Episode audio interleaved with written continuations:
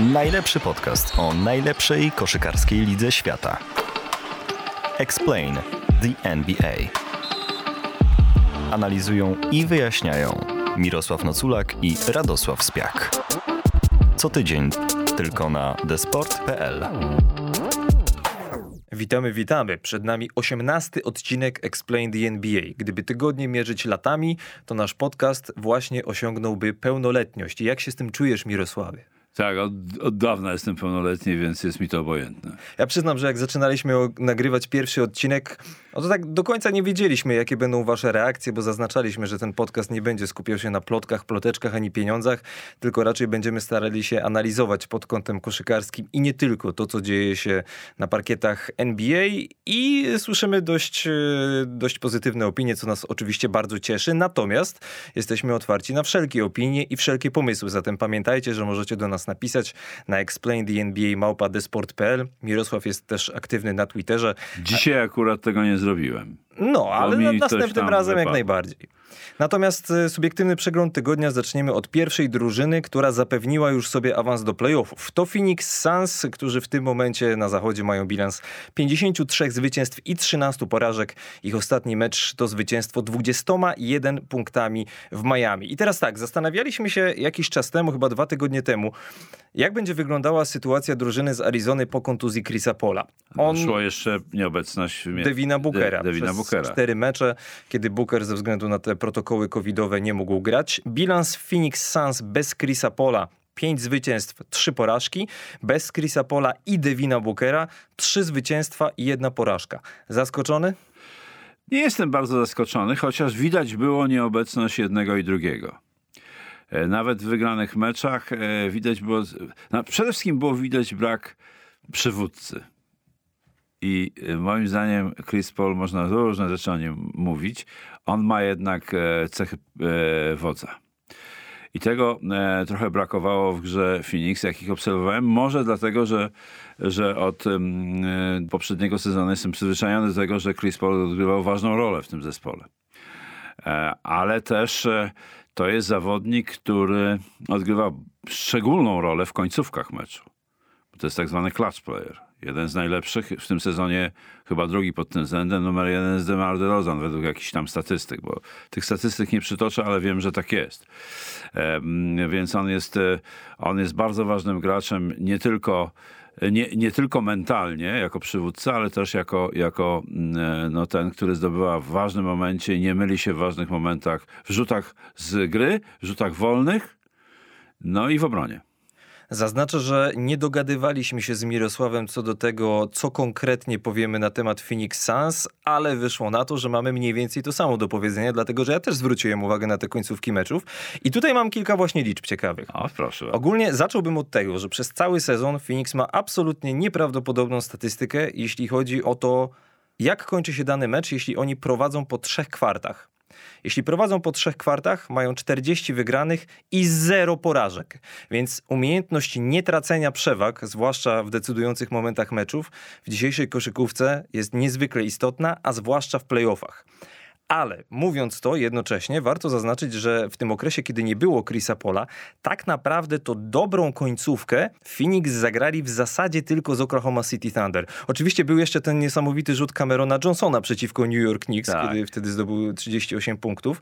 Ale jak tak popatrzyłem na te, na te mecze, kiedy nie było Chrisa Pola, zwłaszcza kiedy były wyrównane końcówki, no to właśnie z Oklahomą było plus 5 na 5 minut do końca, skończyło się plus 20, ale był też na przykład mecz w Milwaukee, gdzie na 5 minut do końca były dwa punkty różnicy, a skończyło się 122-132 i było tak.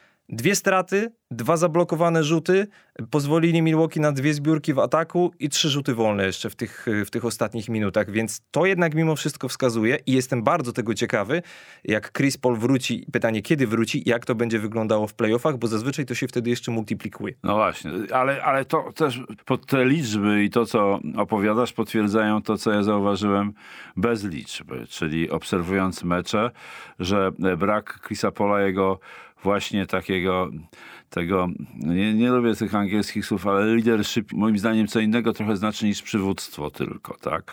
Bo przywództwo w polskim terminie to ma szerokie znaczenie, a mi tu chodzi o, o takie rzeczywiście dowodzenie zespołem konkretnym, tych ludzi, których on pod sobą ma albo obok siebie może bardziej będzie elegancko powiedzieć ma. Nietracenie przewag to jedno, ale odrabianie przewag jeszcze to drugie.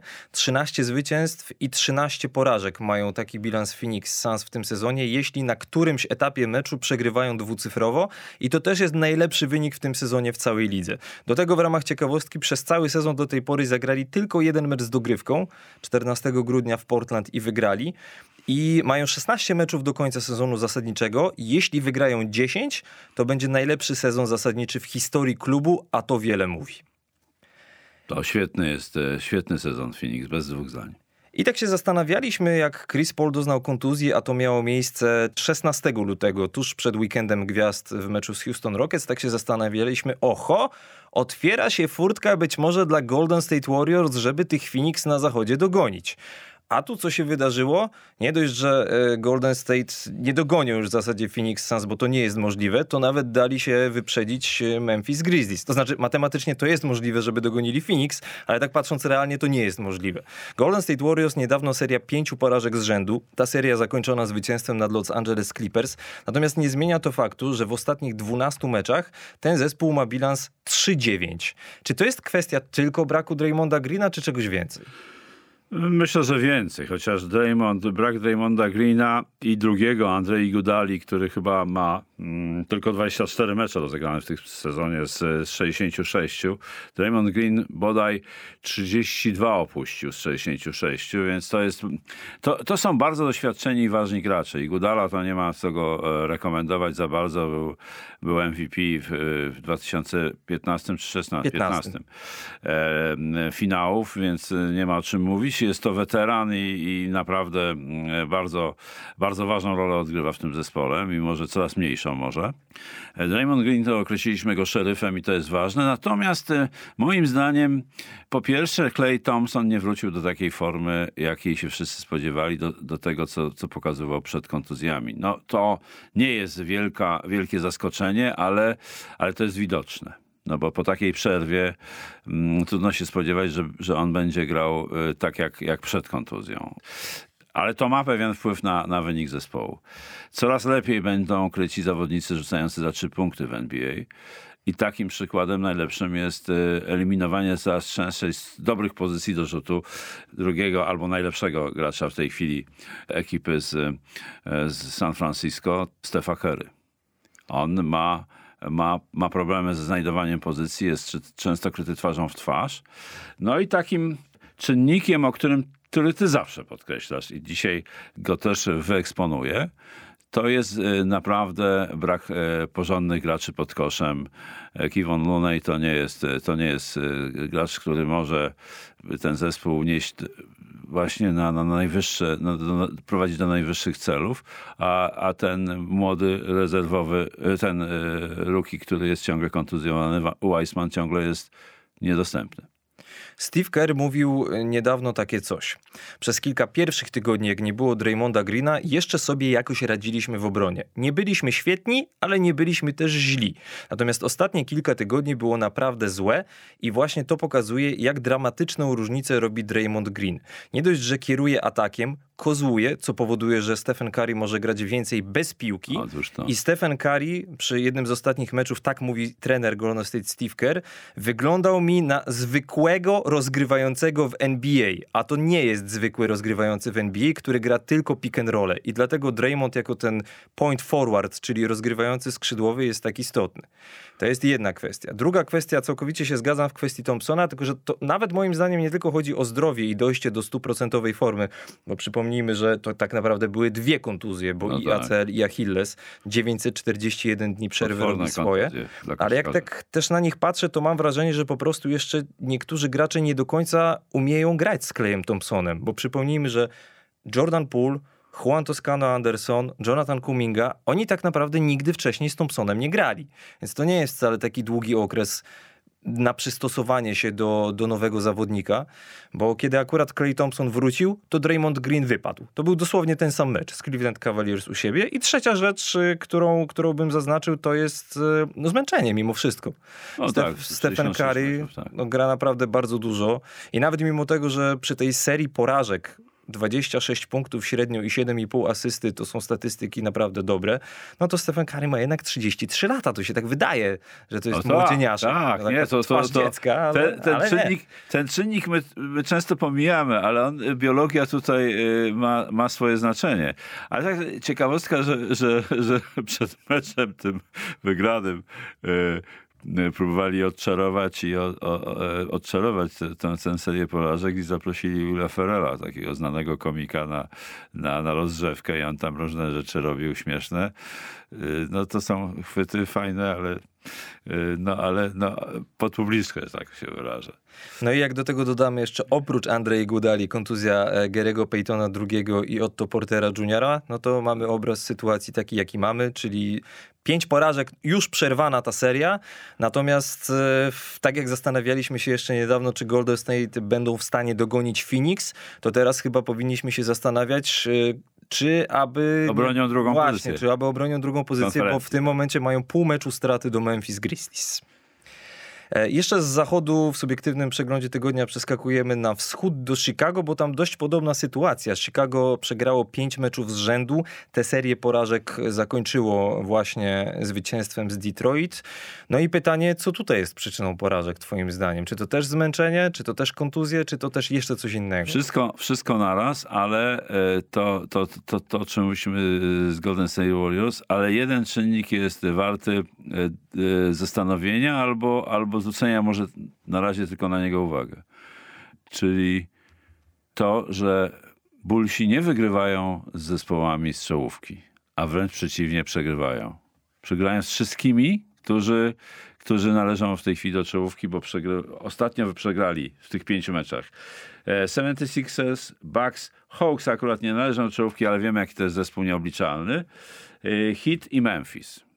Mało tego, przegrywali z Phoenix, Golden State i Bostonem. Czyli przegrywają z drużynami, które są pretendentami do tytułu. A Więc przynajmniej jakim- do, do wejścia do finału. no, mówimy ogólnie o, szerzej o, o, o, jako pretendentach i to jest zastanawiające i co to oznacza? E, Na to pytanie muszą sobie odpowiedzieć, e, odpowiedzieć właśnie e, wszyscy ludzie w Bullsach. Natomiast e, no na szczęście mają tego DeRozana, który właśnie jest numer jeden clutch playerem według różnych klasyfikacji w tym sezonie i on w ostatnim meczu w czwartej kwarcie 16 punktów wyciągnął e, e, Chicago z kłopotów z Detroit. Drużyną, która jest też nieobliczalna, choć jak wiemy nie należy do czołówki. W ogóle DeRozan 28 z 36 punktów zdobył po przerwie. To też warto zaznaczyć. Ja mam dwie rzeczy do powiedzenia na temat Bulls. Pierwsza jest taka, że no zazwyczaj każda drużyna, nawet bardzo silna, ma taki fragment sezonu, gdzie po prostu gra trochę gorzej. To jest, to jest fajne zdanie i, do- i, i, i, i takie klarowne dosyć. Natomiast w przypadku Chicago i ogólnie drużyn na wschodzie na tym etapie sezonu, to nie jest tak, że na tę serię porażek można sobie pozwolić. Dlatego, że jak sprawdziłem em, tabelę cofając się do lutego i do stycznia, no to przecież jeszcze dwa tygodnie temu Chicago Bulls byli pierwsi na wschodzie. Tak W tym momencie, po tej serii porażek, są na miejscu numer 4, mają bilans 40-26 i pół meczu straty do nich ma Boston. I powiem ci, Mirosławie, szczerze, że gdyby playoffy zaczynały się teraz, to po pierwsze, w pierwszej rundzie mielibyśmy właśnie taką parę, Chicago kontra Boston i nawet gdyby w Bulls wszyscy byli zdrowi, to ja bym stawiał na Boston.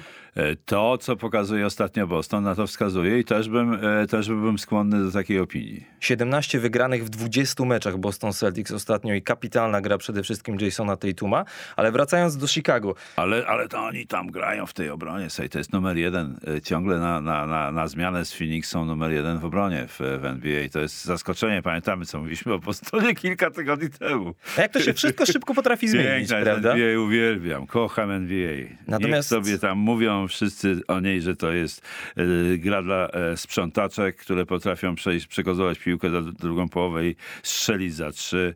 Niech zostaną przy tej opinii, ja nie zmieniam. z takimi nie rozmawiamy, krótko mówiąc. No teraz szkoda czasu. Natomiast powiem ci, Mirosławie, że e, trochę jestem mimo wszystko zaskoczony tym, jak istotny dla obrony Chicago jest Alex Caruso. Wiadomo było, że to jest O, tak, dobry zawodnik, tak. że to jest dobry obrońca, ale grał z LeBronem Jamesem w drużynie. Tak. Tam był trochę inny rozkład sił w ataku, w obronie, to trochę wszystko inaczej wyglądało. Tak. Natomiast e, kontuzja Alexa Caruso podobno ma zaraz wrócić do treningów, więc niedługo powinien wrócić do gry. On e, doznał pierwszego urazu 20 grudnia, o ile dobrze pamiętam. Dobrze Potem- pamiętam? Potem tak, potem wrócił na dwa mecze w styczniu, no i w tym drugim w meczu nieszczęsny w Milwaukee to bardzo nieładne zagranie Graysona Allena wyłączyło go z gry do tej pory. Wejdę ci w słowo, wiesz, że nie mogę ciągle patrzeć na typa, jak jest jakieś zbliżenie, odwracam głowę. Nie mogę patrzeć na typa, słuchaj, no tego e, Graysona Allena. U, po prostu mam uczulenie naj, najwyższej próby na No niego. to może teraz do tego nie wracajmy, ale Okej. powiem wam, drodzy słuchacze, że jak patrzę na Mirosława, to absolutnie mu wierzę w tym momencie. E, Alex Caruso, e, w momencie, e, kiedy, od momentu, kiedy go nie ma, e, Chicago Bulls mają 26. obronę w NBA, jeśli chodzi o punkty rywali na 100 posiadań. Prawie 117 tych punktów tracą. I dla porównania, spędził w tym e, sezonie na boisku 775 minut. Razem z nim na boisku średnio Chicago tracą 102 punkty, bez niego ponad 114. To jest dramatyczna różnica. Ale zobacz, e, e, mówiliśmy o Bostonie, oni gdzieś koło setki się kręcą. Nie, nie, ułamek ponad 100 mają e, na 100 posiadań traconych punktów. Podobnie Phoenix, więc to jest kolosalna różnica. W, w kontekście ewentualnie takiego playoffu Chicago-Boston. Ciekawą rzecz powiedział też e, Tristan Thompson, nowy nabytek Chicago, który wykupił swój kontrakt z Indiana Pacers. Mianowicie po tym meczu z Memphis, o którym wspomniałeś, Tristan Thompson powiedział coś takiego. Zakładam, że biorąc pod uwagę, jak Chicago Bulls dobrze grali na początku sezonu, teraz silni rywale zmieniają trochę taktykę i nastawienie. Nie ma już, e, gramy dzisiaj z Chicago, spoko wygramy, tylko, zwłaszcza jeśli chodzi o drużyny na wschodzie, to jest potencjalny matchup playoffowy, dlatego musimy się przygotować inaczej i przygotować jakieś niespodzianki. I Tristan Thompson zaznaczał, że Memphis grało w obronie trochę inaczej niż większość drużyn do tej pory przeciwko Chicago i tak samo robiło Miami. Chodziło przede wszystkim o to, żeby zabrać piłkę z rąk Demara DeRozana, żeby on na moment nie czuł się pewnie na obwodzie, że nawet jeśli były podwojenia chwilowe, czyli help and recover, to ta piłka musiała krążyć i żeby on nie grał, nie oddawał rzutów. Pamiętajmy też, że nie ma Lonzo Bola, co też na pewno ułatwi sprawy, kiedy wróci do zdrowia. Natomiast e, no, chwilowo nie wygląda mi to w Chicago, tak przyznam szczerze po prostu. Nawet po tym zwycięstwie z Detroit. 16 zostało meczów, tak średnio dla każdej drużyny do, do playoffów. Zobaczymy. No, Chicago e, robiło bardzo dobre wrażenie. Teraz ma, ma, ma dołek. E, Nie skreślałbym tej ekipy. Jeżeli rzeczywiście wróci Caruso i, i, i, Lonzo, to będzie ta ekipa znowu e, z odpowiednią głębią. Ja tej drużyny absolutnie nie skreślam, tylko bardziej chodzi mi o to, że między drugim a szóstym miejscem na wschodzie w tym momencie są trzy zwycięstwa różnicy, a Chicago ma do szóstego miejsca półtora zwycięstwa różnicy. Ale zobacz, jak to się zagęszcza coraz bardziej na tym wschodzie. Tym ciekawiej w końcówce sezonu. Kończymy subiektywny przegląd tygodnia i przechodzimy do naszego głównego tematu 18 odcinka Explain the NBA. Rozmawialiśmy już o wielu różnych rzeczach, o rzutach za trzy punkty, o obronie strefowej, o tak zwanej bezpozycyjności, ale też zazwyczaj analizujemy mm, style gry i ogólnie różne drużyny. I z czołowej szóstki zarówno ze wschodu, jak i z zachodu została nam jeszcze jedna ekipa i tą ekipą zajmiemy się dzisiaj, a są nią Dallas Mavericks. 40 wygranych, 26 porażek aktualnie w momencie, gdy nagrywamy ten podcast, czyli w czwartkowy wieczór. Taki sam bilans jak Denver Nuggets. Dallas Mavericks wprawdzie swój ostatni mecz przegrali to 30 punktami u siebie z New York Knicks, natomiast wcześniej mieli serię pięciu wygranych z rzędu i dziewięciu wygranych w 11 meczach. Początek sezonu był dość niemrawy. Ja miałem trochę takie wrażenie, że Jason Kidd po zmianie trenera, bo on zmienił Ricka Carlisle'a, tak. próbuje trochę ustawić ten zespół według swojej koncepcji. To na początku nie do końca wychodziło. Luka Doncic też miał problemy ze zdrowiem. Teraz już Dallas Mavericks są bez Kristapsa Porzingisa. Jest chociażby za to Spencer Dinwiddie i mnie, mnie wciąż zastanawia, co ta drużyna tak naprawdę może osiągnąć, bo ma jednego z najlepszych zawodników na tej planecie w osobie Luki Doncicia, a mnie nie wydaje się, że oni są w stanie przejść pierwszą rundę, tak szczerze mówiąc. Oni nie robią dobrego takiego do końca wrażenia takiej solidnej ekipy. I to jest pytanie dlaczego. I mam pierwsze pytanie do, do ciebie e, o Luka Doncicza. Czy Okej. on jest, e, jest takie, takie kolokwialne powiedzenie na temat czegoś bliżej nieokreślonego, e, czyli na przykład mojo, czyli seksapilu to dotyczy. Jakie, jakiego coś brakuje Donciczowi, żeby być kandydatem na, na gracza, który doprowadzi swoją ekipę do mistrzostwa? I jeszcze powiedz, że to musi być wyraz w języku polskim. To jest dodatkowa trudność dla mnie w tym momencie. Bo mam taki wyraz w języku angielskim, No się mówi composure, czyli taka jakby stonowanie takie w pozytywnym sensie, umiejętność studzenia emocji. Dla mnie, takie coś. aha. Bo przyznam ci się szczerze, Mirosławie, że jak obserwuję Lukę Doncicia, a obserwuję go od wielu lat, od czasu, kiedy był w Realu Madryt, tak powiedzmy od 2015 roku, to tak jak mam niesamowity podziw dla jego umiejętności koszykarskich, tak niesamowicie irytuje mnie to jego nieustanne, ale to naprawdę nieustanne dyskutowanie z sędziami. Właśnie, ja, ja bym podkreślił dwa, e, dwa aspekty. To, to, o czym ty mówisz, to jest z jednej strony niedojrzałość, tak bym to określił, w jego zachowaniach, a to nie znamionuje mistrzów, brak dojrzałości. A druga, brak kindersztuby, czyli takiego dobrych, dobrych manier, że się tak wyrażę. I on zachowuje się momentami, co mnie denerwuje szalenie, jak jakiś taki prowincjonalny chłopczyk na, e, na, na, na balu w remizie strażackiej. Nie wiem, czy byłeś kiedyś na balu. Nigdy nie miałem okazji. No, to tam różne rzeczy można zaobserwować. Radzę ci zajrzyj kiedyś. Potrafię sobie wyobrazić. Albo, tak albo sobie powiedział. wyobraź, bo, bo wyobraźni ci nie brak, wszak. Więc to, to, to są takie rzeczy nie, nie, e, nie statystyczne, że tak powiem, które rzucają się w oczy, jak się obserwuje Lukę Doncicza, bo to, że on wykonał, że to jest ogromny talent i wykonał ogromną pracę, żeby być jednym z najlepszych, tak jak powiedziałeś, na planecie graczy, nie ma dwóch zdań. Ale właśnie co jest tym coś, czego mu brakuje? I tu już trochę sobie odpowiedzieliśmy, myślę, na to pytanie. W tym meczu z New York Knicks e, Luka Doncic dostał 14 przewinienie techniczne w tym sezonie. Tak de facto 15, ale jedno zostało mu skasowane. Jeszcze dwa i dostanie mecz zawieszenia. Oczywiście to się zeruje na playoffy, ale pokazuje to fakt, że jest liderem NBA w liczbie przewinień technicznych, że jednak to, to ostudzenie emocji by mu się trochę przydało i Jason Kidd ostatnio w jednej z wypowiedzi też zwracał na to uwagę. To znaczy on zaznacza, że to jest mimo wszystko wciąż bardzo młody zawodnik, bo przecież niedawno skończył 23 lata. No Natomiast to. pod względem koszykarskim on jest jednak bardzo, bardzo doświadczony. Bo to nie chodzi o to, że w Dallas coś konkretnie jest nie tak, albo w NBA coś konkretnie jest nie tak i on z tymi sędziami się nie lubi. Nie, on taki jest od zawsze. Zawsze, on taki tak. był w Realu Madryt, on taki jest w reprezentacji Słowenii, co mieliśmy okazję zaobserwować Podczas wspólnie na Igrzyskach Olimpijskich, gdzie chociażby nawet po przegranym półfinale z Francją mówił, że no przecież y, to wina FIBA, bo FIBA by chciała, żeby Stany zagrały z Francją w finale. Ta, no jasne, już wie, że FIBA nie wolałaby starcia Luka Doncic kontra Kevin Durant w finale. No tak, tak. Więc chłopcze, ochłoń trochę, Tak, to tak, po pierwsze. I, I też mała historyjka ode mnie, bo ty zazwyczaj opowiadałeś różne historyjki. Ja byłem w Madrycie w 2015 roku w maju. Pisałem wtedy artykuł o synach Andrzeja Pluty, którzy wtedy się szkolili w Hiszpanii. Andrzej i Michał to są roczniki 2000 i 2002. Luka Doncic jest rocznikiem 1999 i ja wtedy byłem na finale młodzieżowej Euroligi.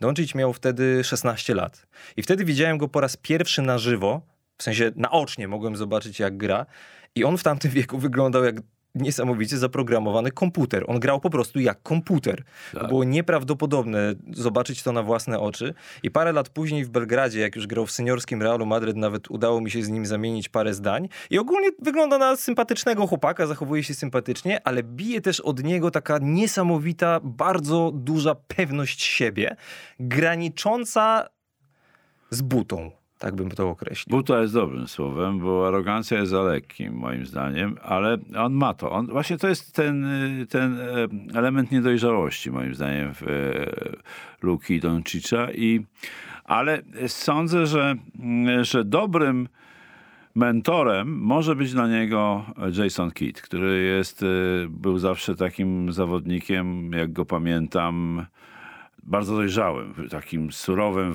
surowym obliczem zawsze grał takiego, takiego najeźdźcy, że się tak wyrażę, na boisku. A poza tym to są bardzo podobni gracze. jeżeli chodzi o umiejętności. Przecież e, Jason Kidd chyba jest trzeci w historii pod względem triple-double, drugi pod względem asyst i, i, i, trzecim pod względem trójek, więc to są cechy, które ma akurat, y, y, jeżeli chodzi o, o grę. No już w tym momencie czwartym, bo kary wskoczył. No tak, no ale jest czołówce w każdym razie. To jest, y, to, to są, to, to, to jest to są bliskie cechy tych dwóch panów i myślę, że jestem ciekaw, jak E, jak będzie e, działał w tym zarządzaniu kapitałem Luki Doncicza Jason Kidd. To mnie bardzo interesuje. To ruszyłeś teraz bardzo ciekawy temat, Mirosławie, powiem ci. Dlatego, że w połowie grudnia pojawił się na ESPN taki materiał, który sugerował, nawet nie tyle sugerował, mówił wprost, że Luka Doncic miał bardzo złe relacje z Rickiem Carlisle'em, z poprzednim trenerem Coś Dallas takiego Mavericks. słyszałem również, tak przyznam, że było to dla mnie dość zaskakujące o tyle, nawet nie tyle, że miał złe relacje, ile dlaczego miał złe relacje, ja to, o tym zaraz powiem. Było to dla mnie zaskakujące, dlatego że ja Ricka Carlisle'a ogólnie bardzo cenię. Ja też. Przypomnijmy, że to jest trener, który z Dallas zdobył jedyne mistrzostwo w historii klubu w 2011 z Jasonem roku. Kiddem. W składzie, jako tak. rozgrywającym. I w tym artykule, w tym tekście, możecie spokojnie go znaleźć w internecie, jak wpiszecie Luka Doncic, Rick Carlisle, Story albo coś takiego, albo po prostu nazwiska obu panów. Tam było jasno powiedziane, że to nie chodziło o to, że Rick Carlisle źle traktował Lukę Doncicia, tylko że źle traktował innych ludzi dookoła podany był chociażby przykład Denisa Smitha Jr., który był w Dallas jeszcze w 2018 roku i najwyraźniej wtedy trener Carlisle uznał, że trzeba mu mocno uprzykrzyć życie, że nie wierzył w niego, a Denis Smith Jr. i Luka Doncic mieli silną więź między sobą. Tak samo było z innymi zawodnikami i Luka Doncic już w pewnym momencie, i to było podobno widać w ostatnim sezonie, ja jakoś bardzo nie zwróciłem na to uwagi, nawet czasami schodząc do ławki rezerwowych potrafił coś nieładnie odpowiedzieć trenerowi Carlisle'owi, że w meczu numer jeden z Los Angeles Clippers w playoffach y, poszedł na koniec ławki rezerwowej gdzieś tam już prawie do tunelu, jak ten go zdjął z boiska przy trzecim faulu. I Rick Carlisle potem tłumaczył mediom, że on ma tak zwany selektywny mutyzm. W żartach oczywiście to, to tłumaczył, że nie słyszy tego, co Luka Doncic mówi źle do niego ale zdawał sobie sprawę, że takie coś jest. To jest ważna cecha trenera generalnie. Natomiast, ale, ale i czym to się skończyło? Bo tak funkcjonuje NBA i o tym mówiliśmy bardzo często, że to jest liga, w której rządzą zawodnicy, a nie trenerzy. Tak jest. I Rick Carlisle nawet mimo tego, że mógł jeszcze pracować z Dallas Mavericks, to powiedział, i tutaj cytuję: Nie chcesz doprowadzić do momentu, gdzie czyjaś gościnność będzie dla tego kogoś obciążeniem. I zdecydował się odejść. I teraz jest w Indiana Pacers. No i wrócił tam, skąd go kiedyś wyrzucono, co było moim zdziwieniem, ale to było bardzo dawno temu. Ale nie jesteś zdziwiony tą historią? Znaczy, ja, ja jestem zdziwiony, ale to też wpisuje się w ten, e, w to, o czym mówiliśmy wcześniej o, o, o Luce, że on jest niedojrzały jednak i że nie potrafi, do, i brakuje mu tej kindersztuby, bo te, e, te zachowania takie ostentacyjne, w NBA są rzadkością, przyznasz, między e, zawodnikami a trenerami. I to jest też cecha tej, tej ligi. To jest cecha profesjonalizmu. To jest element profesjonalizmu w tej lidze istotny. Zatem no coś jest na rzeczy. Ale ta historia dla mnie jest trochę bardziej nawet o Riku Carlyle'u niż o Luce Donciciu, powiem ci szczerze, no, bo tam tak. były podane jeszcze inne przykłady, ja nie będę ich teraz cytował, bo to jest bardzo długi tekst. Proponuję, żebyście go sobie e, znaleźli w internecie.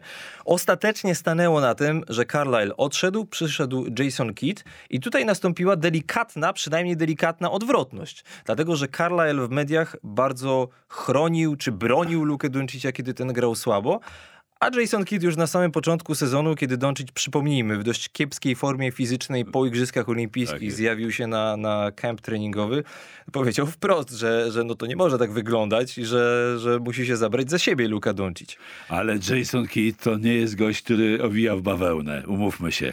Ma to wypisane na twarzy i to jest znana historia i ja lubię Jasona Kidda bardzo. Jason Kidd był wcześniej trenerem w Brooklynie i w Milwaukee. Zaczynał w Brooklynie, tak. Ostatnio był asystentem u Franka Vogela w Los Angeles Lakers. Jako asystent zdobył tytuł w bańce w Orlando. I on za bardzo systemu gry w ataku e, Dallas nie zmienił, bo to są wciąż przede wszystkim pick and roll z Luką Donciciem, tak zwany spread, czyli strzelcy rozstawieni szeroko. I to jest grane często gęsto i często gęsto to przynosi korzyści, zwłaszcza jeśli Doncic trafia za trzy punkty, co ogólnie wychodzi mu na razie średnio.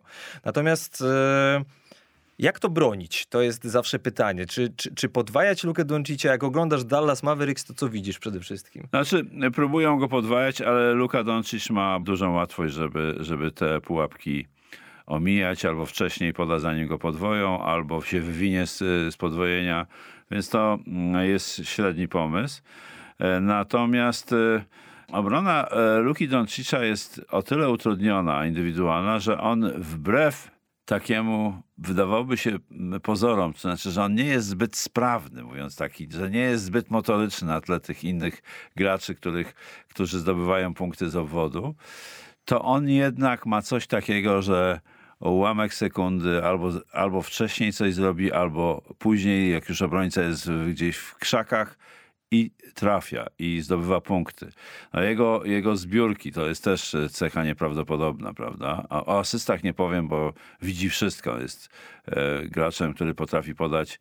Takim jest bratem bliźniakiem e, Jokicza, powiedziałbym, w tym, pod tym względem. Zatem e, to jest trudny zawodnik do krycia, ale mnie czasami niepokoi jego że może przekroczyć taką granicę y, przygotowania fizycznego, która, która zaniepokoiła właśnie Jasona Kida, że będzie wtedy nie aż tak pożytecznym graczem dla drużyny, jak jest, kiedy jest w pełnej formie. Na pewno moim zdaniem to, czego nie można robić przeciwko Donciciowi, to po prostu grać switchy czyli zamian krycia w obronie, chociaż też zależy z kim, no bo w najlepszym przypadku to będą niecelne trójki, ale w najgorszym to po prostu Mniejcie. nie będzie czego zbierać. Tak. Chociażby 96 y, punktów rzucił y, Luka Doncic y, w dwóch meczach, kiedy właśnie były zamiany krycia, z którą to było drużyną, już musiałbym sobie przypomnieć, ale to chyba było z Los Angeles Clippers, o ile dobrze pamiętam w tym sezonie. Tak, tam Iwica, Zubac cały czas były, były zamiany krycia i przy switchach przeciwko Nowemu Orleanowi 49 punktów zdobył Luka Doncic.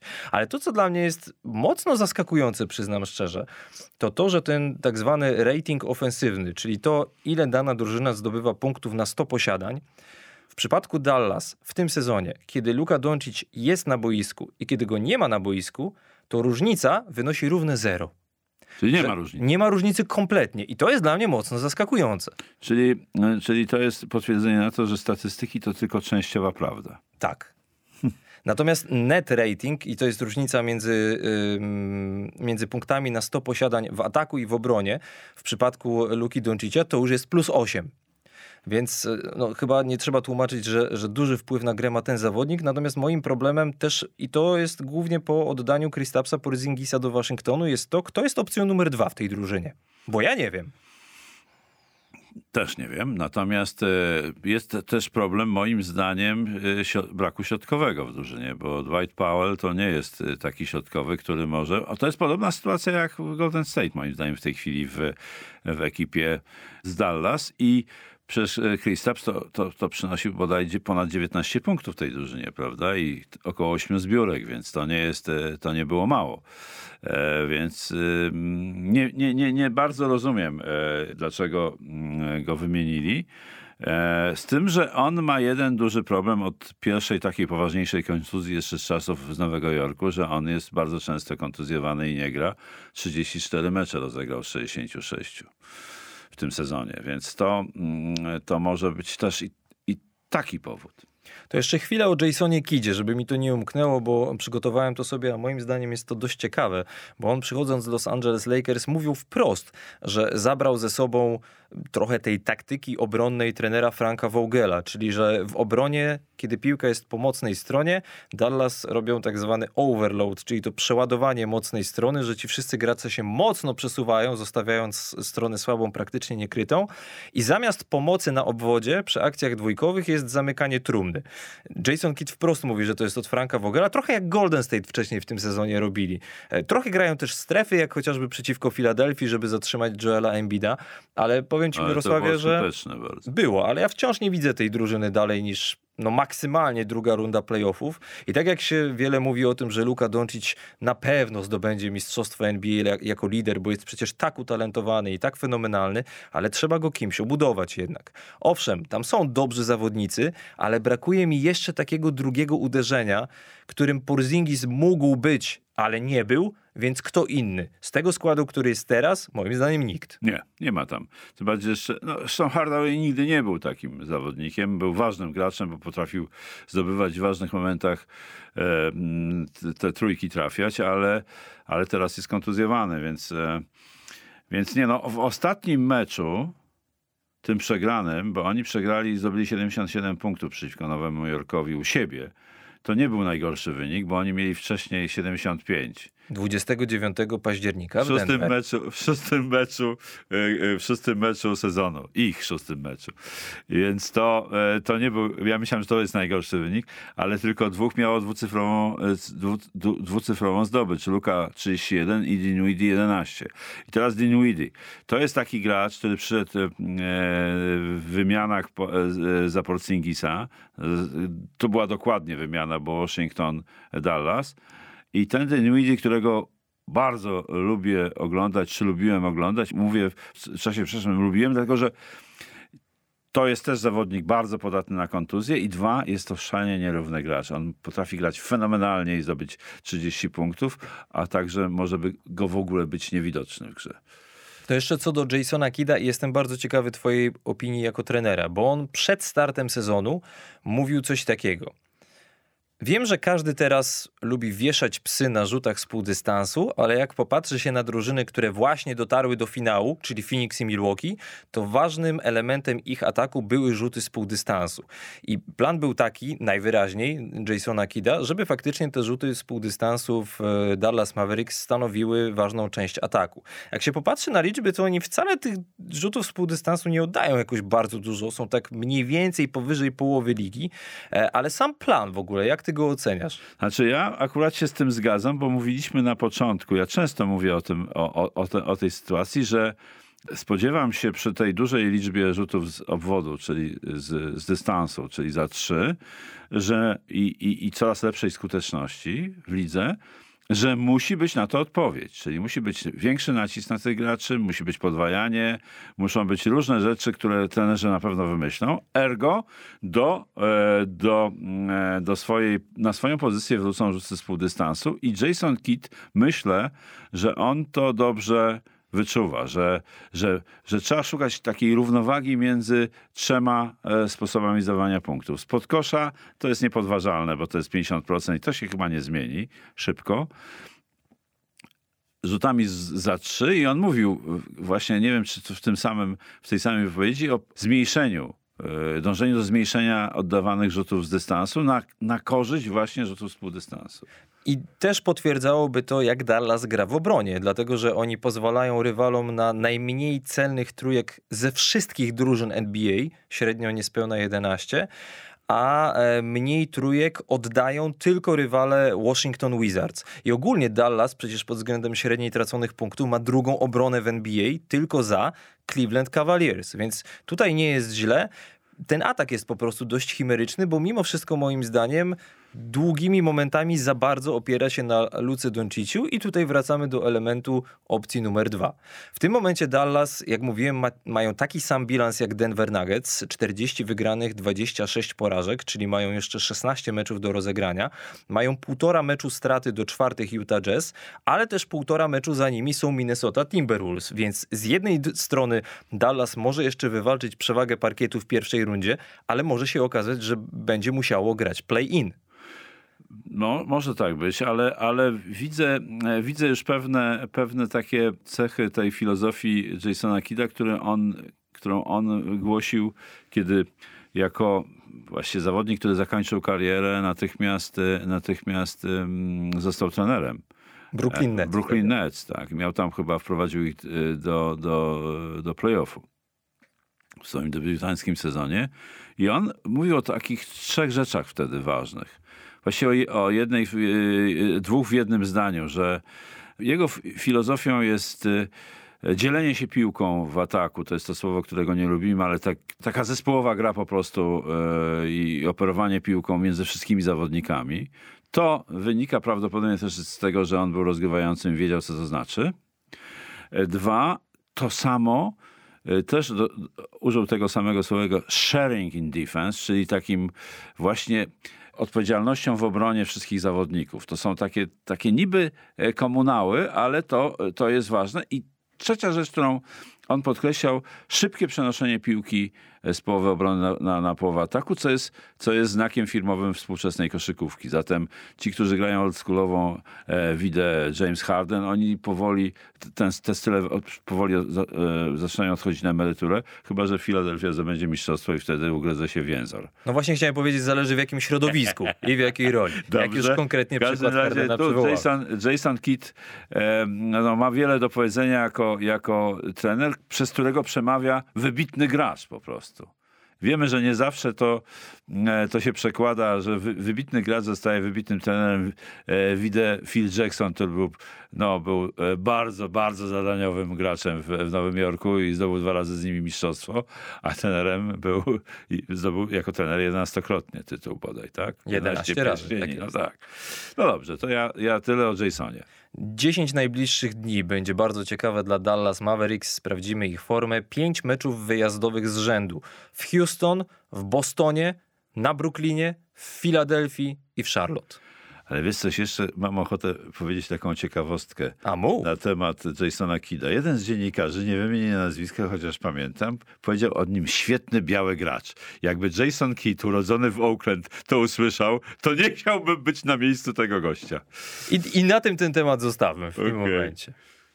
Na koniec tego odcinka naszego podcastu jeszcze jeden temat. Greg Popowicz zrównał się z Donem Nelsonem, jeśli chodzi o liczbę zwycięstw w historii w sezonie zasadniczym, więc brakuje mu jeszcze jednej wygranej do tego, żeby być na pozycji numer jeden wśród trenerów w sezonie zasadniczym, bo zaznaczmy, że podobnie jak w przypadku LeBrona Jamesa, gdyby liczyć wspólnie sezon zasadniczy i playoffy, to Greg Popowicz już, już od kwietnia 2019 roku jest na pierwszym miejscu, kiedy to przeskoczył Lenego Wilkensa, ale o, o tym Gregu Popowiczu e, chcielibyśmy powiedzieć e, kilka zdań, dlatego że po pierwsze, moim zdaniem sam fakt, że on przez 26 lat jest trenerem w jednym klubie, jest mimo wszystko czymś niesamowitym, bo przypomnijmy, że kiedy on obejmował stanowisko głównego trenera San Antonio Spurs, to prezydentem Polski był Aleksander Kwaśniewski. Michael Jordan miał dopiero cztery tytuły mistrzowskie, a dosłownie w dniu, kiedy Greg Popowicz miał swój pierwszy mecz w roli trenera San Antonio, to Wisława Szymborska odbierała Nobla.